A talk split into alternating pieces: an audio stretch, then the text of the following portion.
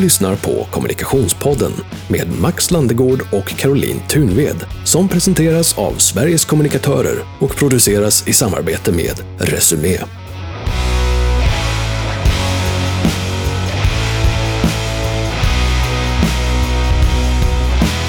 Varmt välkommen till Kommunikationspodden med Max Landegård och Caroline Thunved. har du som lyssnar tips på folk som du vill att vi ska prata med i podden då kan du antingen mejla till mig max@storstadmedia.se eller till Caroline.tunved med h at svkom.se. That's right. Hur mår du? Hur, hur står det till med Sveriges kommunikatörer? Ja, men vi, vi mår jättefint. Det är eh, full fart. Eh, Det är väldigt, väldigt roligt. Eh, Vi pratar ju mycket om eh, upskill, reskill och, och behovet av att eh, kompetensutvecklas och någonting som vi människor faktiskt också mår väldigt bra av att utve- utvecklas. Och vi märker av ett, ett stort tryck kring det och hoppas ju såklart att det ska hålla i sig. Mm. Så eh, jo tack, vi mår fint. Härligt. Mm. Hur mår du Max? Och många nya kurser på gång också. Ja, men jättemånga nya Mm. kurser. Mm. Man ska prenumerera på eh, Sveriges kommunikatörers nyhetsbrev om Ja. man vill vara lite eh, up, up to date. Det, Ja. det gör ju jag. Ja, ja, men vad kul. Så Ja, det, precis, det, det kommer ju, varje vecka kommer det ju massa nya roliga insekter och så här listor och sånt där. Sånt, sånt tycker jag är kul. Mm. Eh, jag mår alldeles utmärkt tack och jag har faktiskt, apropå listor, en lista Mm. med mig. För vi börjar närma oss 2023 och vi kommer ha eh, nyårslöften som ska ges. Mm. Och jag skulle vilja slå ett slag för mikrovanan. Anledningen till varför många nyårslöften inte infrias det är för att man kanske går lite för hårt ut i början Just det. och det blir en alldeles för stro, stor ansträngning. Mm, ska fy, träna fyra gånger i veckan. Ja, Mm. exakt. Mm. Ja, nu tränar jag redan fyra gånger i veckan så det är inga problem. Nej, jag skojar bara, det gör jag inte. Eh, däremot så har då vd-tidningen tagit upp i en av sina nyhetsbrev som jag också prenumererar på, eh, fem steg mot att lyckas med mikrovanor.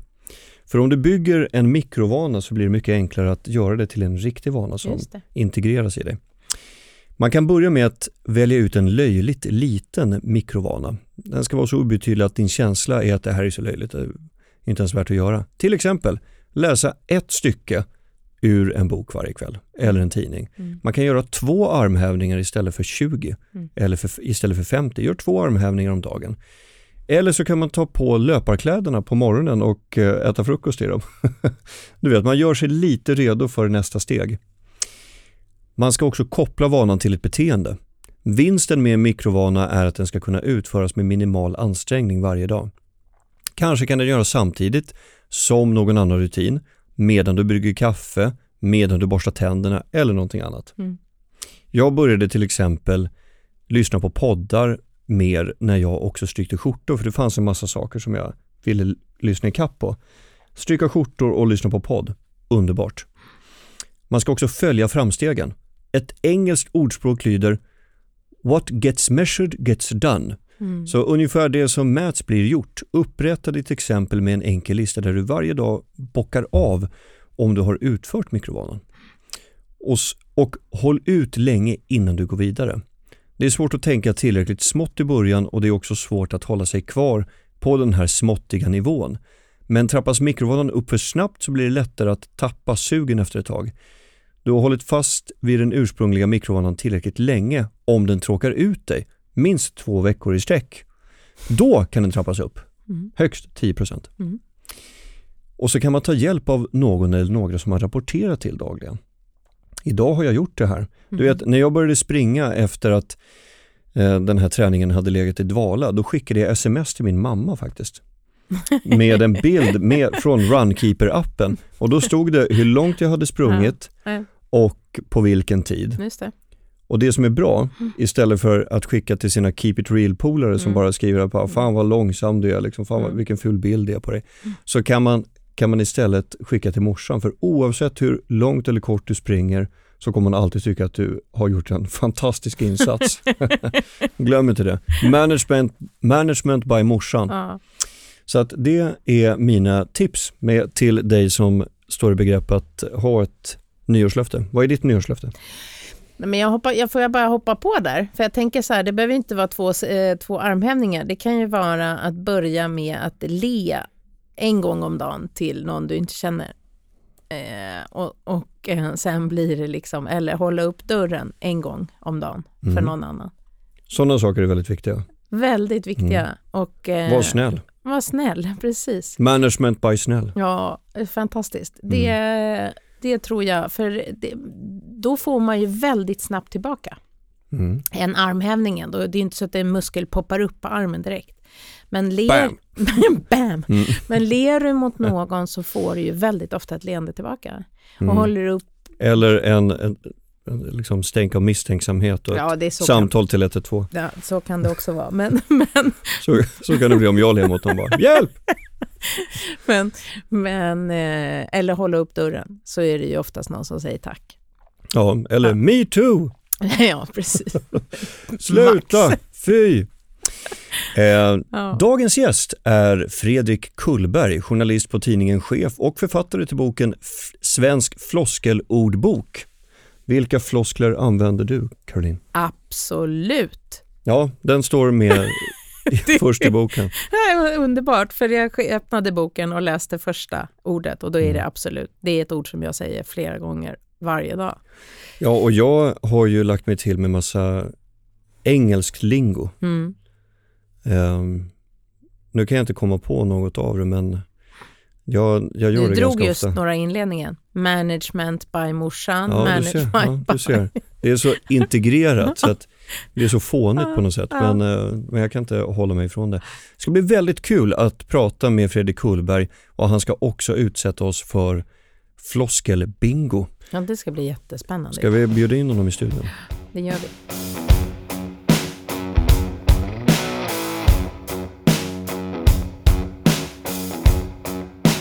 Fredrik Kullberg, journalist på tidningen Chef och författare till boken Svensk floskelordbok, managementjargong, politiska plattityder och värdegrundsbabbel i underrubriken.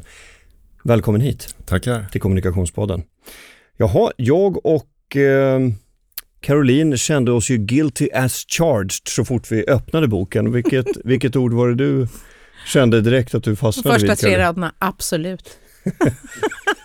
och så testade jag den på min familj och så frågade jag det här ordet, absolut, hur många gånger säger jag om det? Flera gånger om dagen. Ja. Ja, Ja, jag. Jag hörde någon säga det, eh, kan ha varit i någon film, det är länge sedan alltså, att skiljelinjen mellan att vara barn och att vara vuxen, det är att du byter ut fuck you med okay, great. är det inte så att man liksom är skyldig att fastna i ett värdegrundsbabbel för att kunna eh, rent sociologiskt tillerkännas hängnet av vuxenvärlden? Absolut, säger jag då. jo, men visst är det så. Alltså, det här är ju ett socialt shit som har funnits så länge det har funnits människor. Alltså, för att kunna fungera i ett socialt sammanhang så måste du i viss mån släta över, anpassa dig. Alltså, man märker ju det själv, om jag är i Örebro så blir det ju nästan så att jag lägger mig till med närkingska till slut, nästan omedvetet för att ja, vara, vara en i gänget så att säga. Och det, det här fungerar ju mycket på samma sätt då. Det, det finns en massa modeuttryck som, som kanske vissa kretsar då använder sig av. Och då, om jag vill vara med i det gänget, ja då blir det lätt så. Eller om jag, om jag är med, med i det gänget på ett ar- arbetsplats till exempel eh, och kanske inte gillar floskler eller sådana här tomma ord men, men det blir ändå så att jag eh, använder mig av det här för att jag vill vara, tillhöra gruppen. Mm. Det är naturligt. Mm. Ett test som, som man kan göra på en fest om man har tillgång till åtminstone en, helst två skrivmaskiner. Eh, Och det tänker du att man har idag? Eller? ja, det förutsätter jag att ni Ja, har. okej. Jag har fem hemma. Absolut, Till min hustrus stora förtret. Mm. Ja. Jag har ingen. Har du Fredrik? Jag har den på vinden. Ja, du ser. Tackar. Mm. Ska jag är inte en i flocken. 100 kronor på Tradera, sen är det en del eh, om man, så här, det här är en idé som jag har stulit från en utställning som jag besökte på South by Southwest i Austin, Texas för ett par år sedan när jag var där. Och den här utställningen vann också, för den, den var det är en snillrik idé. Du har en fest, ett sammanhang. Sen länkar du ihop människor som inte känner varandra men som kanske har hunnit prata med varandra lite grann. Utan att få ställa frågor eh, av undersökande karaktär leds de in i ett rum där det då står två skrivmaskiner mitt emot varandra. Man ska sätta sig ner och den första personen ska bara titta på den andra. Den andra får inte säga ett ord och så ska man skriva en sida om vem den här personen är. Rasande intressant. Mm. Eh, jag gjorde det på ett eh, releaseparty som vi hade på Storstad för ett par år sedan. Och eh, folk blev väldigt eh, överraskade många gånger. Stämde, ibland stämde det. Mm. Ibland stämde också det perceptionen det man ville kommunicera men som man egentligen inte var, det stämde också. Mm. En sak som jag blev varse, jag, jag satte mig mitt emot en kvinna som jag inte har träffat innan eller efter. Så jag kommer inte ihåg nästan någonting om henne. Hon, hon skrev på sitt ark, eh, det var väldigt eh, personligt liksom. Eh, du växte upp eh, nära Oscarskyrkan din pappa var psykolog men din mamma hade högre tankar om dig. Varje kväll förhörde ni er på den svenska akademins ordlista. Men det stämmer ju. För de ville, ja det, det stämmer faktiskt. eh, för hon tänkte att den här gossen ska bli nobelpristagare. Du har aldrig haft problem med pengar men du har eh, ofta haft problem med att hitta din plats i livet eller någonting sånt. Va? Eh, och hon, hon implicerade hela tiden, eller det var ganska accentuerat, att jag kom från överklassen. Men så var det inte. Men däremot så märker jag att språket har gjort att jag nog uppfattas på ett helt annat ja. sätt. För jag har alltid varit helt förälskad i ord. Och varit supernyfiken. Så fort det är något ord som jag inte förstår så måste jag veta om det. Mm. Mm. Så det, man kan ju snabbt göra en klassresa med språk. Ja, och det är ju mycket det här handlar om, det här då floskler som eh, används till stor del av olika makthavare och maktsfärer eh, till, för att till exempel då eh, skyla över konflikter, dölja maktförhållanden men också då förhöja betydelsen av det man säger. Alltså man, man använder sig av ord och uttryck som, som eh, visar sig inte betyda så mycket eller visar sig betyda motsatsen av vad de verkar betyda men det låter väldigt fint, eh, tycker man kanske i alla fall då. Och, och, och, det är just det att det här, du ska förhöja betydelsen och det intellektuella liksom innehållet. Du ska ge, skapa något, någonting som det kanske inte är och det, det gör man då med de här orden. Medvetet eller omedvetet. Vad var det för känsla som, som bottnade som, som var botten i den här viljan att skriva den här boken? Mm. Var det frustration, nyfikenhet? Ville du demaskera lögnen alla går runt i? Vad, vad var nej, det? Men, nej men det, det är ju så här då att Eh, jag sitter i min yrkesroll mitt i det här. Eh, alltså det är väldigt mycket olika meddelanden från eh, företag, eh, olika typer av makthavare, och näringslivet, organisationer som vill olika saker. Och man, då använder man sig gärna av det här språket. Eh, och jag, jag har känslan av, eller jag är ganska säker på att det här floskliga makthavarspråket har brett ut sig de senaste 30 åren eller så. Jag, jag tycker då att maktens språk bör med jämna mellanrum eh, granskas och dissekeras. Och jag liksom gick och längtade efter en aktuell sån här analys av det språket som eh, används idag då i offentligheten. Men jag hittade ingen riktigt. Och då blandade det, ja men då får jag väl göra en själv då. Och det är det som jag har gjort här. Jag, jag tar mig an då med hjälp av svart humor kan man säga.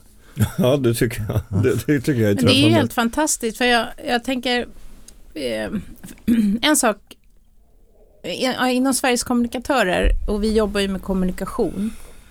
Och kommunikation är ju väldigt mycket ord. Eh, mm. Och där, där pratar man ju också om olika utmaningar och en av ja. alla utmaningar är ju att man inte når fram till sin målgrupp. Eller att politiker inte når eh, vissa delar av vår befolkning eller och så vidare. Och då vet vi ju idag jag vågar säga att vi vet, men vi vet ju faktiskt att mm. det är orden som gör att vi faktiskt inte når ut för att vi har ett språk som inte all, vi, alltså ord kan ju exkludera duktigt.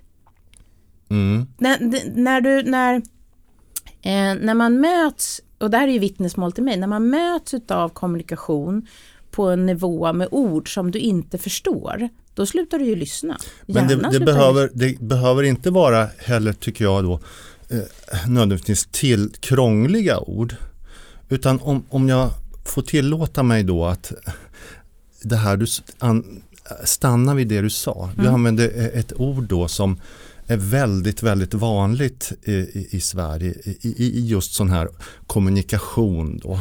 Mm. Alltså, det finns ju idag då inga företag och inga organisationer längre i Sverige som har några problem.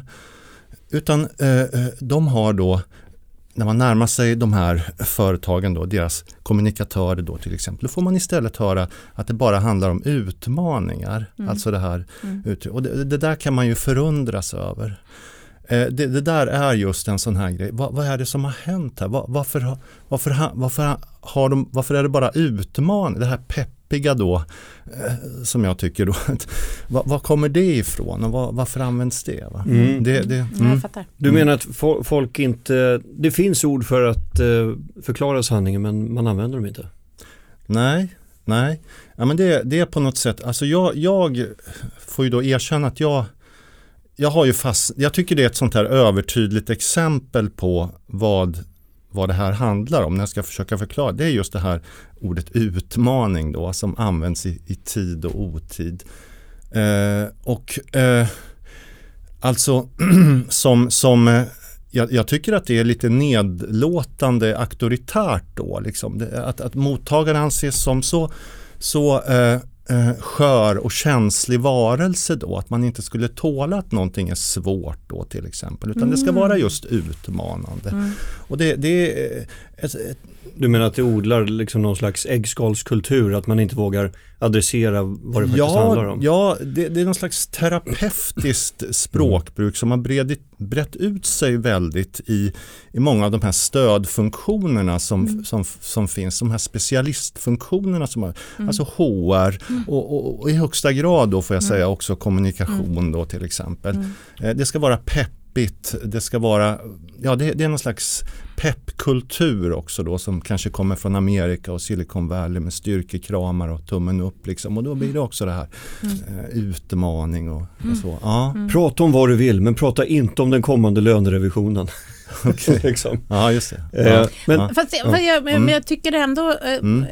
och jag gillar Ja. det du säger om utmaningar. Ja, Eh, eh, därför att livet blir ju faktiskt mycket eh, enklare om man inte ser allt som en utmaning. Men, men eh, jag, tänk, jag upplever ju, och jag, jag kan ta, gå till mig själv.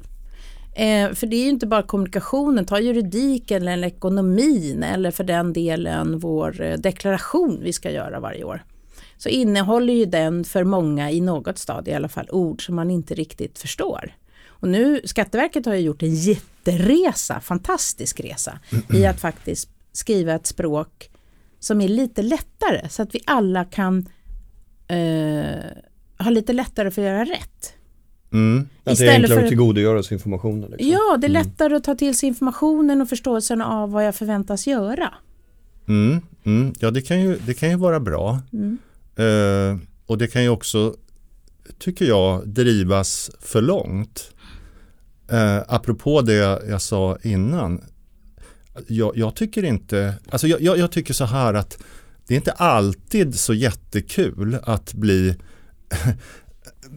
talad till med, med förskolans språk från, från olika offentliga institutioner då, som i all välmening försöker göra då språket tillgängligt. för- Men det, det innebär ju då att, att, även, att, att en massa nyanser försvinner tycker jag.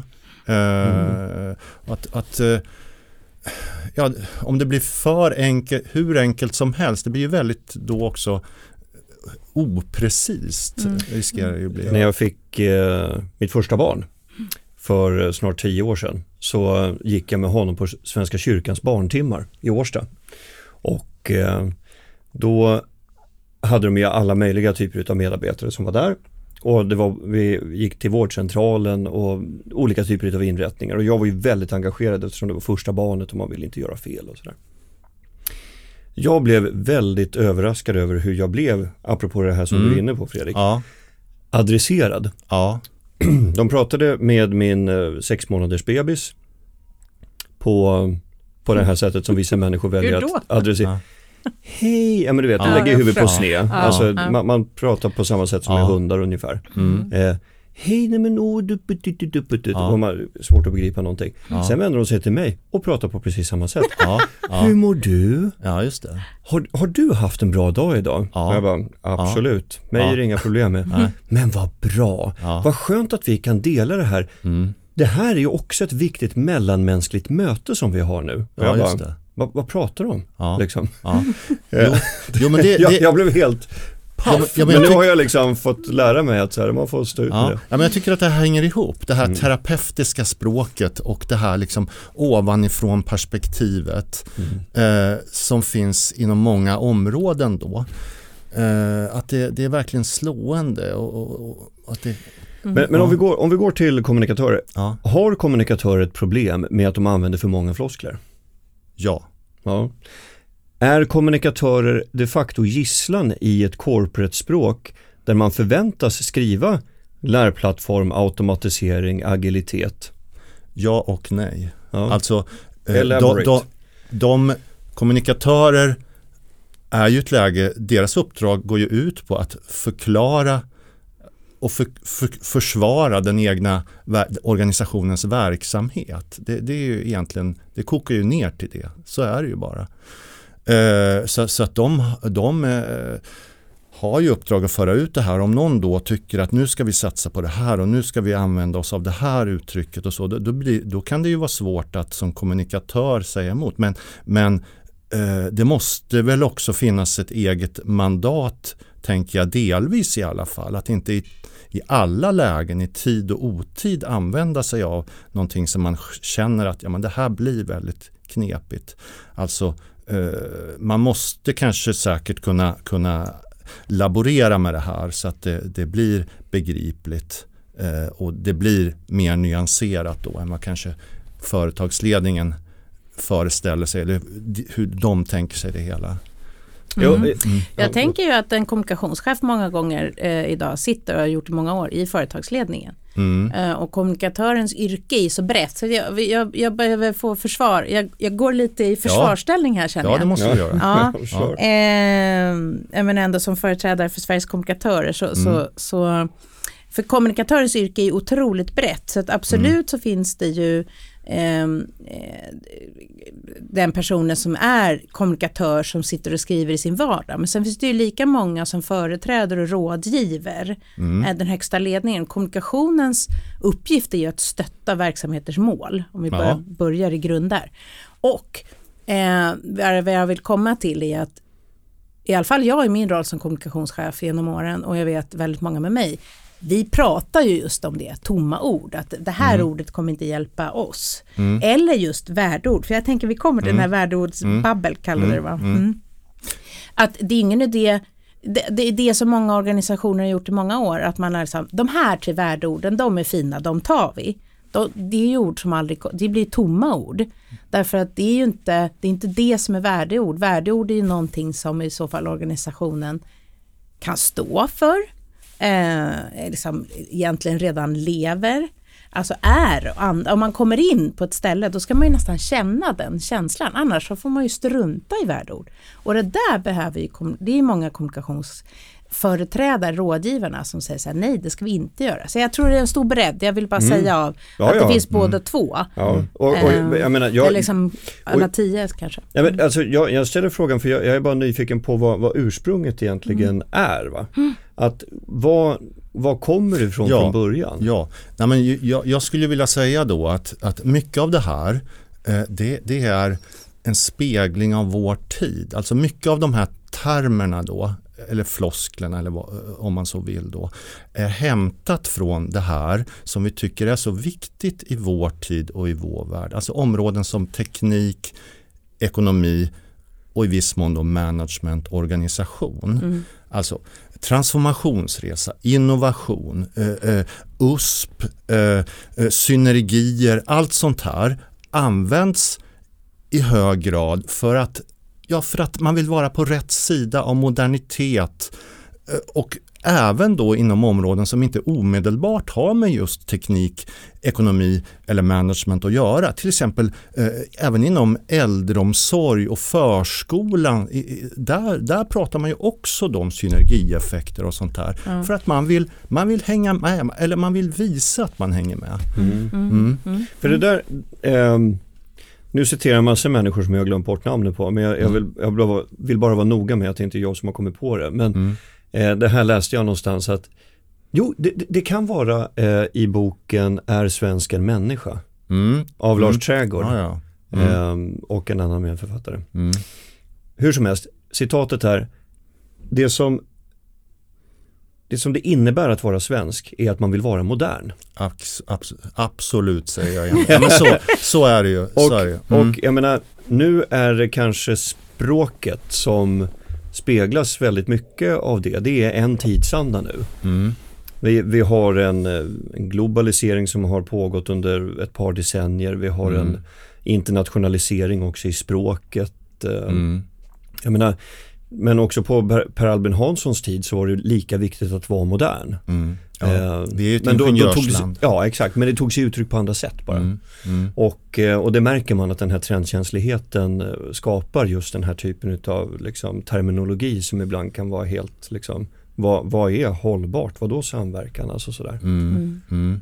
Jo, en annan, en annan viktig sak när det gäller uppkomsten av det här, det här snömosiga språkbruket är den här, vad jag skulle vilja kalla för expertsamhället. Mm. Framväxten av de här väldigt många högspecialiserade funktionerna som vi har mm. sett eh, så många av eh, de senaste decennierna. Va? Alltså högutbildade människor som jobbar med högspecialiserade saker, ganska hög status, ganska hög lön också. Eh, men i och med att de här funktionerna inte alltid är så glasklara för gemene man vad de sysslar med. Mm. Plus att de är så pass nya så har det blivit väldigt viktigt då att skapa ett fackspråk mm. som skiljer ut just den här specialistfunktionen från de här andra och delvis mm. konkurrerande specialistfunktionerna. Mm.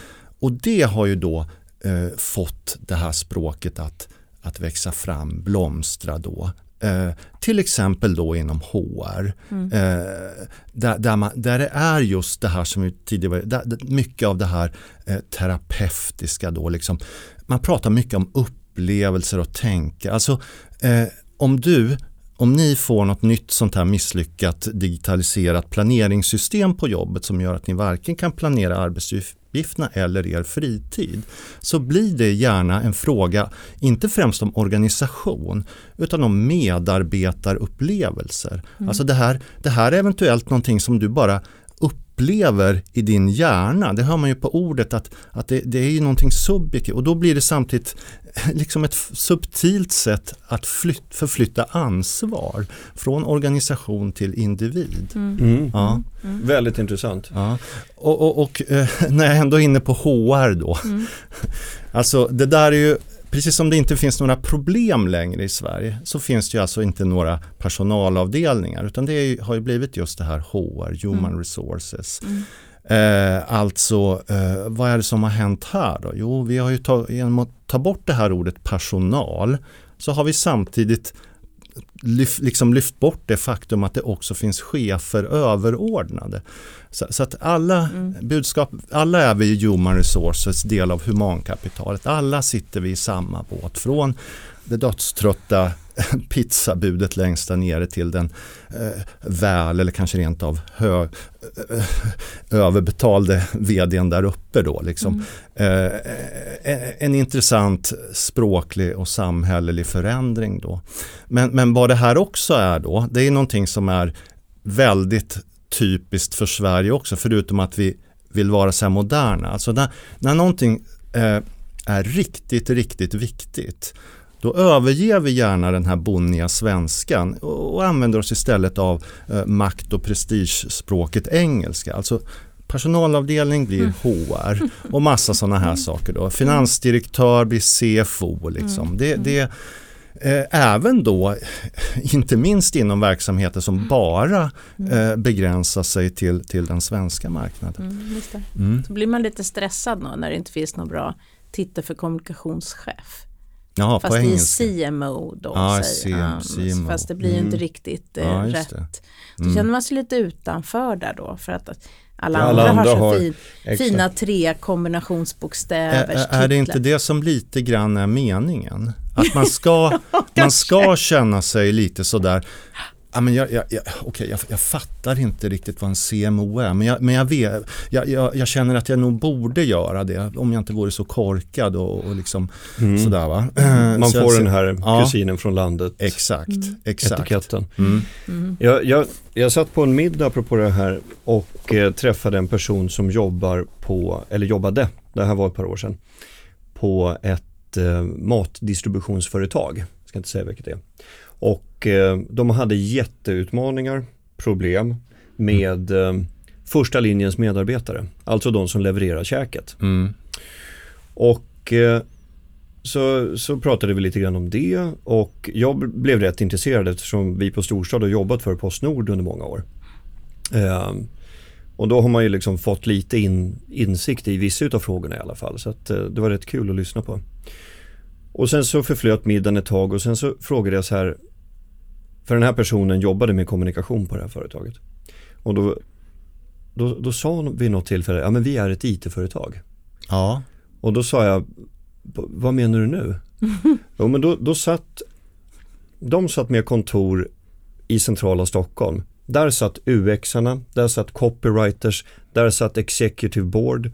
Jättefina lokaler, alla mm. hade titlar på engelska och de mm. var ett IT-företag mm. med fokus på kundupplevelse på sajt. Mm. Och då sa jag, är det inte där ert problem är? Och hon bara, vadå, vad menar du? Jo men ni är ju inget IT-företag, ni är ett distributionsföretag. Precis på samma sätt som den här eh, McDonalds-grundaren vaknade upp och sa att men vadå, vi, vi säljer ju inte mat, vi är ju, vi är ju liksom ett, ett, ett fastighetsbolag. ehm, så att terminologin kan ju verkligen eh, skapa möjligheter men det kan också sätta stora ja, bromsklossar. Ja, alltså Eh, det här, det här ordet tech, det, det, har ju, menar jag, det har ju blivit en floskel i sig. Ja. Alltså du tar vilken gammaldags verksamhet som helst, lånehajsverksamhet eller kontorshotell och så klistrar du på det här tech. Okej, okay, du kanske har en app eller någonting, va? men det är egentligen samma gamla verksamhet som alltid har funnits. Mm.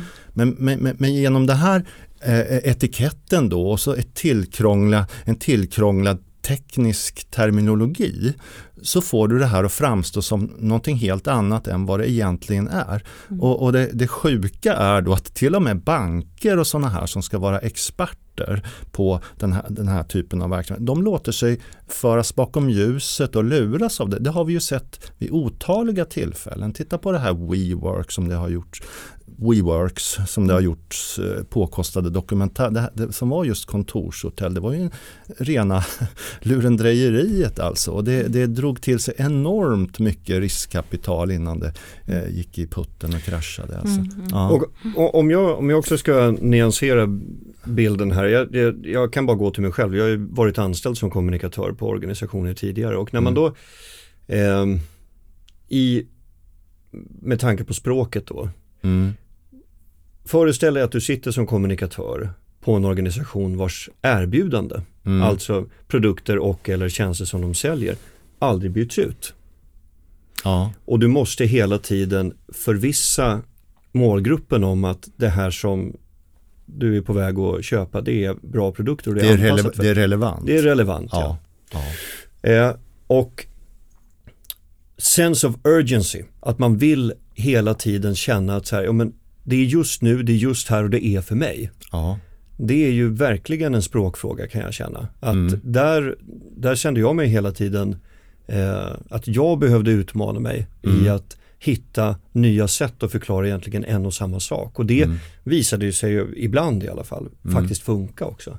Att man, man, kallar, man kallar ett äpple för En innovation. Ja, eller, eller så, så säger man så här, istället för ett rött äpple så säger man pink lady liksom. Ja, det. Eh, eller att man säger, eller så hackar man upp det här äpplet och Mm. lägger i en, i en bytta och så heter det plötsligt fruktsallad. Men det, Ja. så kan du lägga en li, lite dyrare pris på det. Ja, Alltså, ja. eh, ja, det blir ju en knepig sits, jag, Mm. jag inser ju det. Ja. Eh, det, det. Så är det ju. Ja, eh, en annan eh, fråga som jag var intresserad av, cancelkultur. Ja. Som du tar upp på bokstaven C i din bok. ja just det. Alltså själva, själva uttrycket är väl ingen floskel men det blir Nej. det blir Men, det, men jag det, tänker på det, tidsandan. Ja, just det. Nej men det blir ju massa sådana här För jag, jag, har, jag har själv citerat lite från din bok här. För ehm, någon eh, tänkare sa att det första tecknet på att en totalitär stat är på väg att ta över är att de börjar försöka kontrollera språket. Ja, Vilka skulle Ja. du säga kontrollerar språket idag? I Sverige eller? Ja, i Sverige. Ja.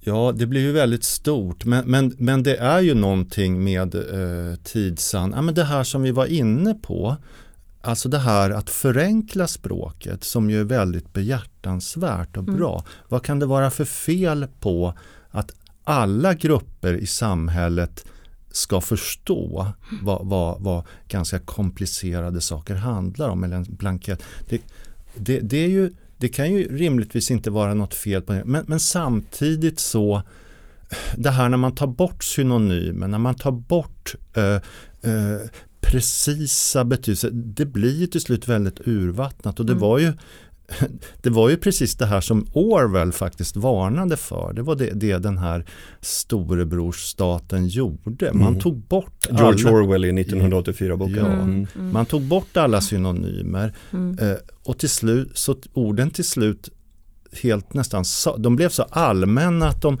liksom saknade betydelse. Mm. Så krig kan lika gärna vara fred och sådär. Va? Mm. Förlåt, hur var frågan? Cancelkultur var vi. Vilka Mm. kontrollerar språket idag? Ja, ja. Nej, men, nej, men, nej, men det blir ju väldigt stort då. Ja, men vi har alla de här, det är många olika krafter då som, som kanske verkar för eh, ett enklare språk eh, eh, som kan vara bra men som också kan få de här tråkiga följderna då som jag var inne på. Eh, men naturligtvis också då eh, marknadskrafterna. Alltså vi lever ju vi lever ju, alltså det har ju blivit väldigt marknadiserat. Eh, alltså även sådana här verksamheter som kommuner och gamla SJ är ju numera ute på en marknad. Och, och alla är vi våra eh, personliga varumärken Mm. eh, som förväntas säljas. Så, så det blir ju en väldig massa säljsnack då, oundvikligen. Så Mm. det är ju en stark kraft förstås då. Eh, med allt vad det innebär. Och det, det, det för också med sig den här, tycker jag, då, infantiliseringen. Eh, precis som ett förenklat språk då från, från offentlig sektor och sådär. Men just det här, om vi tittar på de här stora platt, digitala plattformarna då som har sån makt idag, som vi är inne på så mycket. De är ju otroligt informella. Det är väldigt mycket så här, hej, tjena, tjena. Mm. Så här, ett, och, och, och, och emojis och, och sånt här. Va? De, de vill verkligen vara min kompis. Samtidigt då som de paradoxalt nog är otroligt hemlighetsfulla med vad de ska använda de här, de här ofantliga mängderna personinformation Mm. som de samlar in. Vad, vad, vad de ska ha det till. Så det, det, där, det där är någon slags eh, väldigt paradoxal grej. Alltså. Får jag hänga på Mm. vem som styr? Ja, för jag håller helt, det är klart att det är, Mm. marknaden styr eh, sp- språket och så. Men sen är det ju också människor styr ju vill jag putta in då lite grann. För då tänker jag alla unga och liksom, som skapar nya språk. Vi satt i helgen hemma och körde eh, ortensvenska. Mm. Mina barn älskar att testa det där på mig för att se om jag är en mamma som hänger med. Vilka ord testar de på dig? Nej, jag kan inte ens, jag kan Mm. inte ens säga dem alltså, jag kommer inte ens. Jag, jag vet ju eh, Aina och lite så, då hänger jag med. Mm. Men, eh, men Det är väl turkiska för polis tror jag. Ja, precis. Men, och då kommer vi in på en jättespännande grej, för när man också förklarar var alla orden kommer ifrån. Mm. För jag är ju då, alltså apropå att man ju kan inkludera genom att förklara ord. Mm. Och också då säga så här, Aina, vet du vad, förresten det kom från turkiska. Mm. Då, då ger man det en nyans. Mm. Eh, det tycker jag är jätte, Mm. det är inte bara hittepå moj moj ord utan det kom, moj moj är säkert också, det är ju typ finska. Det kommer Det är väl hej på finska tror jag. Precis. Så det all, många kommer ju, nya ord kommer ju någonstans ifrån. Och det skapar ju en, en kropp till, Det, till det, orden. det skulle jag säga är, en mycket mer levande eh, kraft, levande förändring än det här som jag då Mm. eh, pratade om. Mera, mera, jag är mer inne på de här maktgrejerna Mm. då som, som förändrar språket och, som sprider. Ja, Mm. precis. Men det där, alltså vi kommer ju aldrig bli kvitt det, tänker jag. Jag Nej. menar introduktionen utav borgerligheten i Sverige och, eller i, i hela världen skapar, följer också med en terminologi vid sidan utav olika etikettsregler och hur du skulle klä dig och sådana saker. Mm. Som, Nej, nej. Eh, Jag älskar ju Per Bourdieu väldigt mycket, den gamla Mm. franska sociologen. Mm. Eh, Och han pratar ju också om språkets olika Mm. typer av hierarkier och sådär. Mm. Ett litet tips eh, om man vill eh, läsa vad jag skulle säga eh, är en modern form av 1984 så Mm. är det Jens Lapidus bok eh, Mm. Paradise City. Ja, den, Mm. han, hans Mm. nya? Nej, Det, den kan... han, jag tror han faktiskt, Mm. han skriver ju en sån Mm. evinnerlig takt så att Ja. den här kom 2021 men jag tror faktiskt Ja. att han har släppt någon bok Ja. efter det. Men den ja, är väldigt ny. Ja. i veckan. Ja. Ja. Ja. Mm.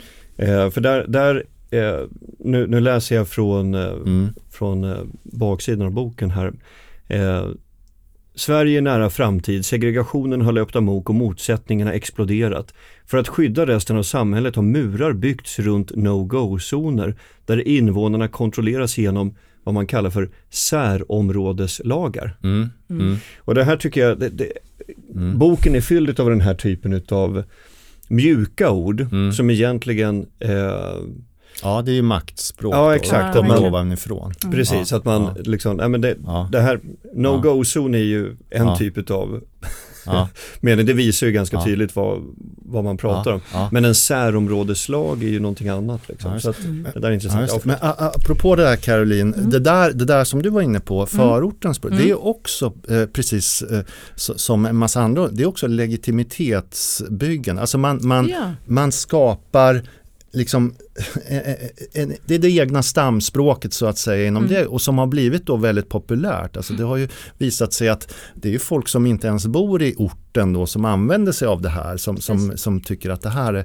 och man vill kanske vara med lite grann i, i det här då. Va? Så, att, men, men, men så det här visar sig på alla möjliga områden. eh, Mm. Det, det här. Mm. Och eh, det är där som, det kanske inte just är floskler då, det du pratar om. Men, men, men apropå det då, eh, Mm. en annan sån här grupp då, där det här uppstår, det, det är någonting som vi tycker är väldigt bra också då, väldigt, eh, vi gillar ju det här med nyföretagande och entreprenörer. Mm. Och då har det uppstått en hel livsstil kring det här, en hel entreprenörskultur där man eh, har olika attri- eh, yttre attribut då, som huvtröja och, och liksom man klär ner sig i, i, i gympadojor och t-shirt liksom. Och, och Normcore. Normcore, man, man far omkring på en Voi med en frappuccino-mugg på stan, på språng och man, man eh, eh ja, har skäggstuff. Man hinner inte raka sig för man har så mycket idéer och, och grejer på gång. Liksom. Men också då i det här den här livsstilen, i det här legitimitetsbyggandet som entreprenör så är det ju också det här speciella språket, det här entreprenörs entreprenörstugget, USP, pitcha, unicorn, gamification, eh, eh, next level, alltså det bara fortsätter. Exit. Exit. eh, och det, det finns en forskare som heter Anna Brattström i Lund som har intresserat sig för det här. Och, och, och hon skriver om liksom hur, att man kan bli en auktoritet på entreprenörskap och inom den här världen utan att ens ha en affärsidé. Utan, utan tillägnar man sig bara de här språkliga och andra attributen så, så kan man mycket väl lyckas ändå i entreprenörsvärlden. Mm. Så det där är intressant. Mm. En Nu egen sociolekt. Ja, precis. Nu måste jag få ställa frågan. Mm.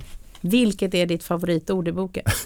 Ja, alltså jag, jag, har, jag har ju inte då graverat Du dem. har en bok med graderat fylld dem. med gula lappar. Ja, just det. Nej, jag har ju inte graderat dem då på det där sättet. Men, men, men en, en grej då som jag brukat, det är just det här utmaning eftersom det, alltså det återkommer ju hela tiden om man bara lyssnar. Alltså det, det är just det här att ja, vi har ju alltså inga problem då utan bara utmaning. Men, men ett annat då som Kanske en spegling av vår tid. så är det, så är det definitivt. Men ett annat då eh, som kommer från det här en annan stor generator då av floskler från ledarskap, ledarskapsvärlden. Alltså eh, den har ju blivit då en, stor generator eftersom eh, vi har ju på något, det har ju blivit väldigt stort det här med ledarskap också, ännu en sån här specialistfunktion. Liksom. Att, att det finns en idé nu om att man inte behöver ha några direkta fackkunskaper inom det område som man är satt att leda utan, utan just ledarskapet i sig är, eh, är vad som behövs och det kan man odla och bygga och sådär. Va? Eh, och då, då uppstår ju då eh, lätt den här frågan, säg att du eller ni blir satta och leda en grupp mer eller mindre omöjliga människor mot ett mer eller mindre omöjligt mål. Då uppstår lätt den här frågan, hur gör man? Mm.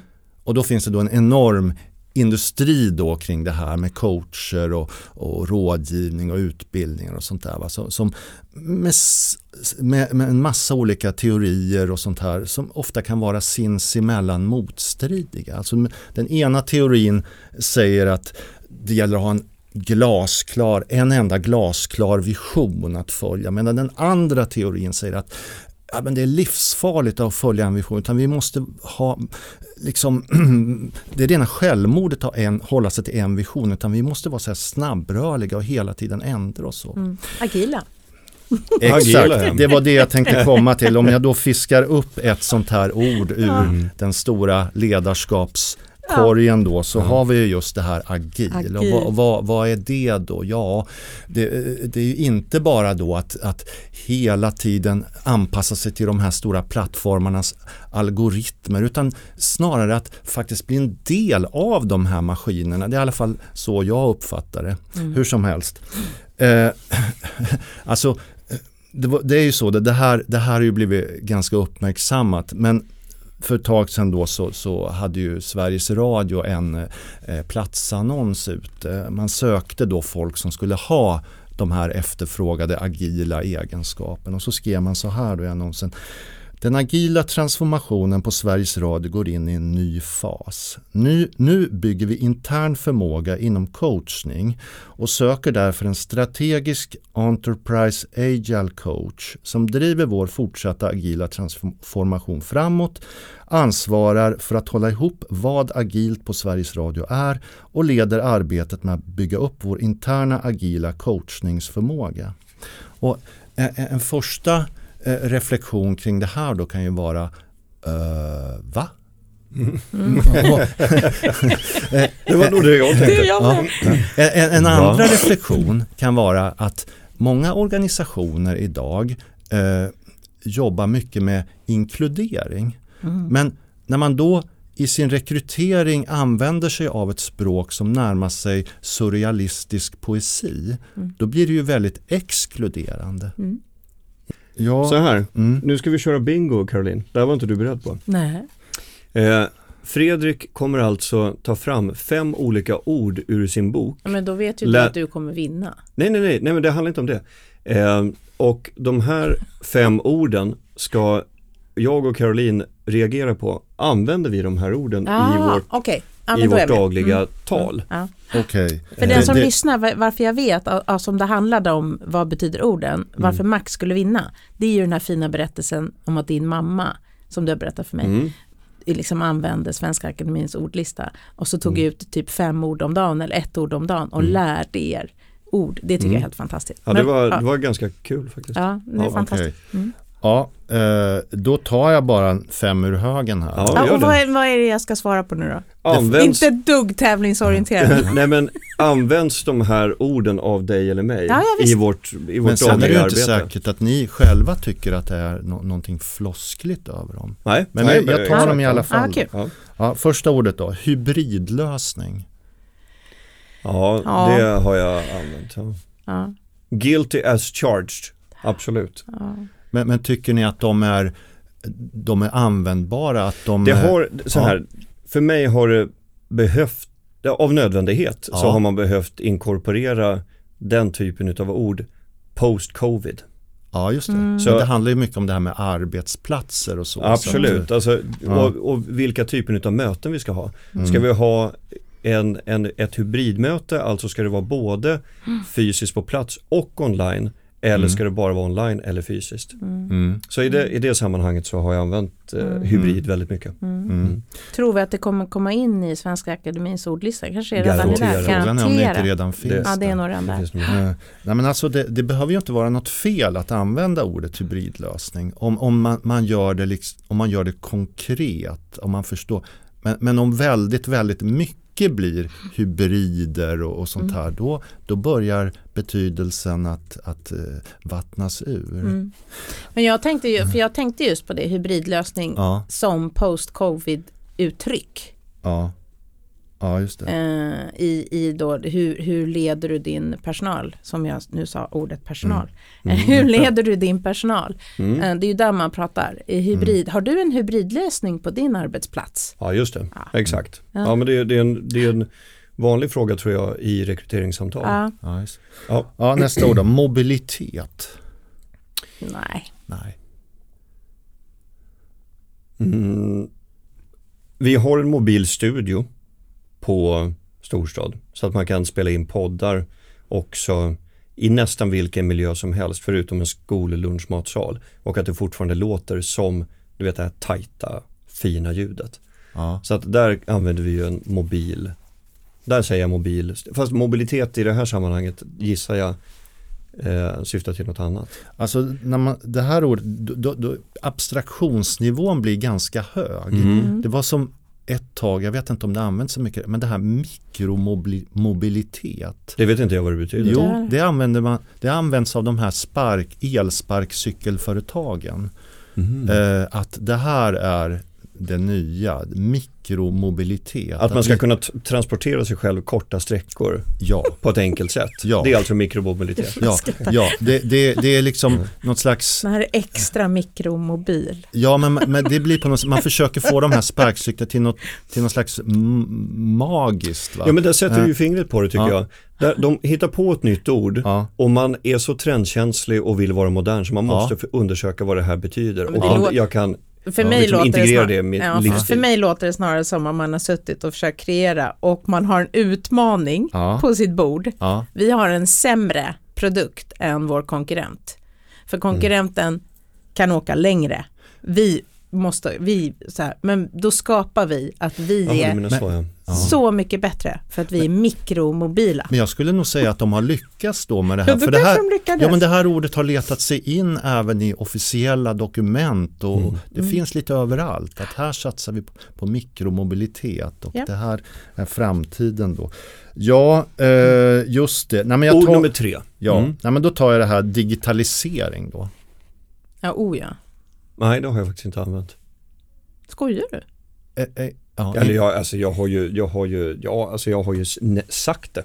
Det har Ja. jag gjort. ja. Men det är ingenting jag använder i mitt dagliga tal. Mm, Digitalisering. nej. Nej, det kan, nej, så kanske, nej, varför skulle du, att- alltså jag bara, nej det är sant. Alltså det, ja, det är nog för att jag står och pratar, när jag föreläser så pratar jag liksom om spaningar och insikter för vårt yrke. Då är det klart att jag pratar jättemycket digitalisering Ja. och säger i samma veva då att eh, alla pratar digitalisering och ingen pratar egentligen om vad det innebär och vad vi är och att vi är på olika faser i detta vårt Sverige. Ja. Alltså, jag, min tanke om det här med digitalisering det är att det används ofta som eh, eh, en eh, alltså föregiven lösning. Ja, men det här ska vi lösa genom ökad digitalisering. Mm. Eh, ut, alltså till exempel en jättestor besparing inom en skola. Ja, men det, det fixar vi genom att digitalisera. Utan, utan att man då talar om ja, men hur då? Mm, exakt. Utan det, det, det används Mm. också som någon, det är någon slags universallösning. Det- Och, och min andra tanke kring det här var, ja men när politiker och andra säger så här att eh, ja men det här, det här får inte hindra digitaliseringen. Eller vi, vi, vi, ska se till att digitaliseringen går vidare.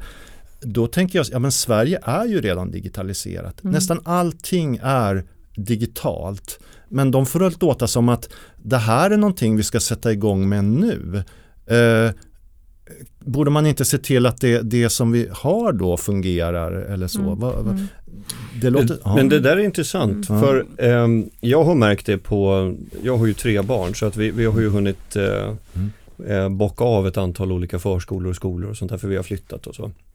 Eh, digitaliseringen har gjort att, de, att interaktionen med eh, förskole och skolepersonal har blivit mycket, mycket mindre. Just det. Eh, och eh, man sätter sin tilltro till applösningen och att man får notifikationer, nyhetsbrev och ja, motsvarande slag. Mm. Och det gör ju också att, att det som är, skulle jag vilja säga, kvintessensen för eh, skolans uppgift att socialisera Mm. barn och därigenom också skapa någon slags god relation med, med föräldrarna. Mm. Den går om intet.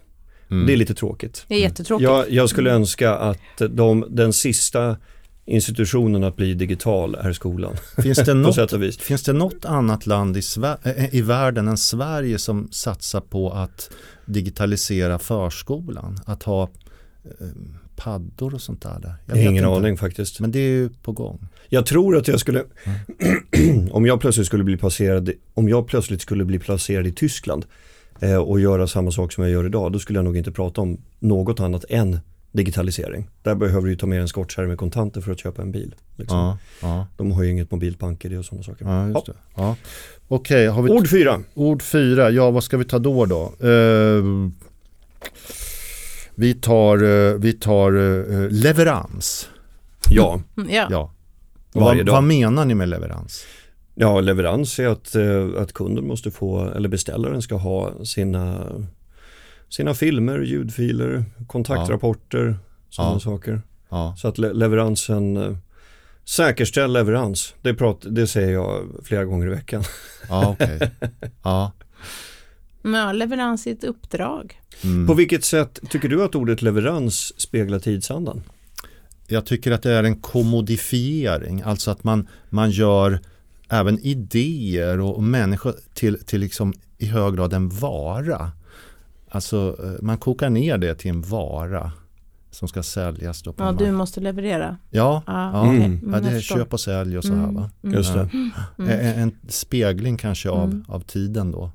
Mm. Det där är lite intressant, att man, det finns en dualitet i det där. Att Mm. du har å ena sidan nedmonteringen av ord som personal, Mm. eh, utan det ska handla om resurs, talang, eh, ett planekonomiskt synsätt på en eh, organisationshierarki Mm. och å andra sidan så är vi alla leveransobjekt. Mm. Mm. Det är intressant. Mm. Ord nummer fem. Eh, ja, balans. Bara när vi pratar bokföring. Jaha. Mm. Mm. Varje dag använder jag det. I bokföringssyfte. Nej, i mänskligt. Mänskligt ja. Ja, Ja. ja, Här har vi ekonomerna. ja, Ja. ja just det. Jag pratar ju, dels är jag ju vd, jag leder ju eh, mitt team såklart. Vi pratar väldigt mycket om livsbalansen. Mm. Sen pratar jag ehm, så sent som igår med min frisörska pratade vi om eh, andlig hållbarhet. Ingen av oss är direkt troende men vi pratade ändå om bristen av att vi aldrig får reflektera apropå att Mm. digitalisera dagis. Mm. Mm. Eh, att vi ju, som varför, eh, varför eh, som jag ser det i alla fall, så många mår dåligt. Jag har jobbat med barn och unga under, under tio år Mm. eh, och, är, och brinner väldigt mycket för det och att det är många som mår väldigt dåligt och jag ser och möter Mm. och lever liksom i att barn gör det för att man Mm. hinner inte Nej, tänka. nej, Och nej. så, så balansen i Ja, det digitala ja, kontra det inte digitala. Ja, just att det. liksom ta sig ut i en skog och bara sitta på en stubbe. Eller bara en balans i, i li- liksom Ja. arbetsdygnet, Det- det- fritid, jobb, alltså hela det Ja, här. det där blev Ja. jag intresserad av. ja. Är det det som, som du menar med en andlig balans? Att man, Ja, Alltså tid för reflektion? ja, verkligen. ja. Och att, och, um, jag går tillbaka till, jag har ju nämnt det förut Max, men ditt avsnitt med Antje Jackelén. Ja, vår förra ärkebiskop. ja. Ja, hon pratar ju så fantastiskt i den podden så gå tillbaka eh, in ett år eller två eh, Mm. till det avsnittet och lyssna. Ja, och hon, inte- hon, det, hon var väldigt bra där. ja. Jag- jag hon pratar väl- om ja, den, förlåt. den Ja. vikten av vad som Ja. händer när vi inte tillåts tro. Det är fult att tro. Ja, ja, Då tar vi bort, då liksom lär vi någonstans att då får man heller inte tänka eller reflektera. nej. Det, det, vi mår inget bra av Nej, det gör vi inte. Nej, jag, jag, jag tycker att det är med. väldigt, väldigt viktigt det här du säger. Eh, det, det är det. Det, det. det jag tänker på när det gäller ett sånt här ord som balans då, alltså det, det är så otroligt motsägelsefullt att Eh, när det utgår från till exempel organisationer och företag som, som å ena sidan då är så otroligt strömlinjeformade, effektiva, allt mer centralstyrda och, och, och på det sättet då motverka just det här poetiska, eh, det här tillvarons märklighet, allt det här som inte går att sätta ord på genom sin fruktansvärda effektivitet. Liksom. När de företagen samtidigt för ut att ja, men vi står för balans. Mm. Det blir ju väldigt, väldigt motsägelsefullt och väldigt svårt då att förstå. Ja, men vad, vad är det ni menar med balans då när ni samtidigt vill att jag ska eh, jobba mycket hårdare eller vara uppkopplad ännu mer och sova ännu mindre verkar det som för att jag måste vara igång på den ena och den andra plattformen. Så det blir ju så, det blir ju så tomt då tycker jag det kan bli ett sånt ord då. Mm. Eh, jag håller med, men på jag tror- avsändaren. Jag tror Sam- och märker att, det, att vi är ett stort skifte där. Eh, Därför att generationer, på, apropå värdeordsfloskel, Ja. men, men eh, generationer på väg in har ju ett annat synsätt på livet. Upplever jag, som Ja. har varit väldigt nära de På generationerna. vilket sätt då? Ja, men att man kräver, man, man köper inte längre det här, jobba mer, eh, liksom, eh, vara uppkopplad oftare, Men resultatorienterad. vi är väl upp, blir väl hela tiden uppkopplade oftare? Jo men, det, jo, jo, men jag tänker just på arbetsplatsen. Alltså Ja. det här kraven så hör jag lika, eller inte som, jag hör ändå nya generationers krav på väg in. Eh, att jag kommer inte jobba ihjäl mig. Livet Mm. är någonting annat. Mm, vi får hoppas att de står emot då. Ja, absolut. det Eh, håller jag det är För de här verkligen. organisationerna är ju väldigt, väldigt stora och mäktiga då de har emot sig. Mm. Som kanske vill något helt annat. Mm, ja, absolut. Ja. Fredrik Kullberg, journalist på tidningen Chef och även författare till boken Fläns... Fläns? Tack så mycket. Och även författare till boken Svensk floskelordbok, managementjargong, politiska plattityder och värdegrundsbabbel. Stort tack för att du tog dig tid att vara med i Ja, Kommunikationspodden. stort Tack själva. Tack Jättespännande avsnitt. Superintressant. Verkligen. Kul. I'm lost in the light. I pray for the night to take me, to take you to. After so many words, still nothing's heard. Don't know what we should do. So if someone could see me now, let them see you.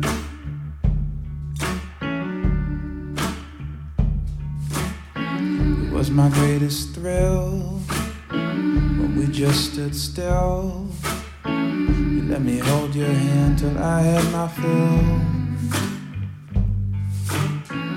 Even counting sheep don't help me sleep.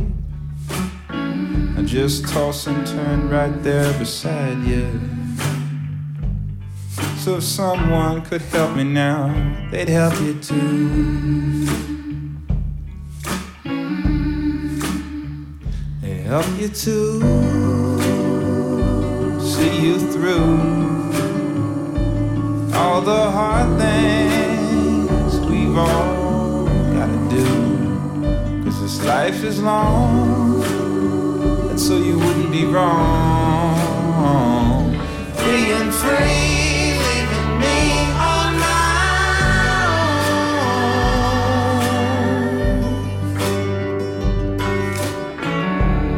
Du har lyssnat på Kommunikationspodden som produceras av Storstad. Tack för att du har lyssnat.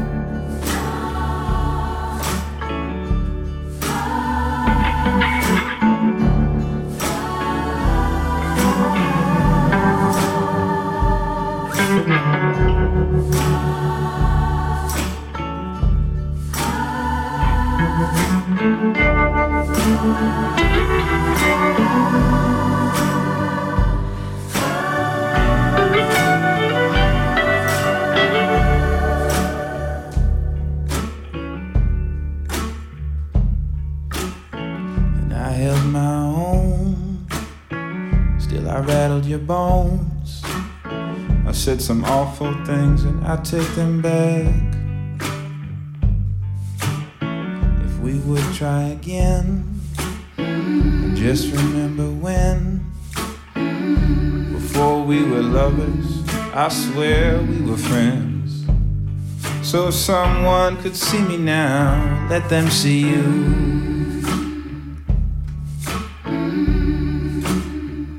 Let them see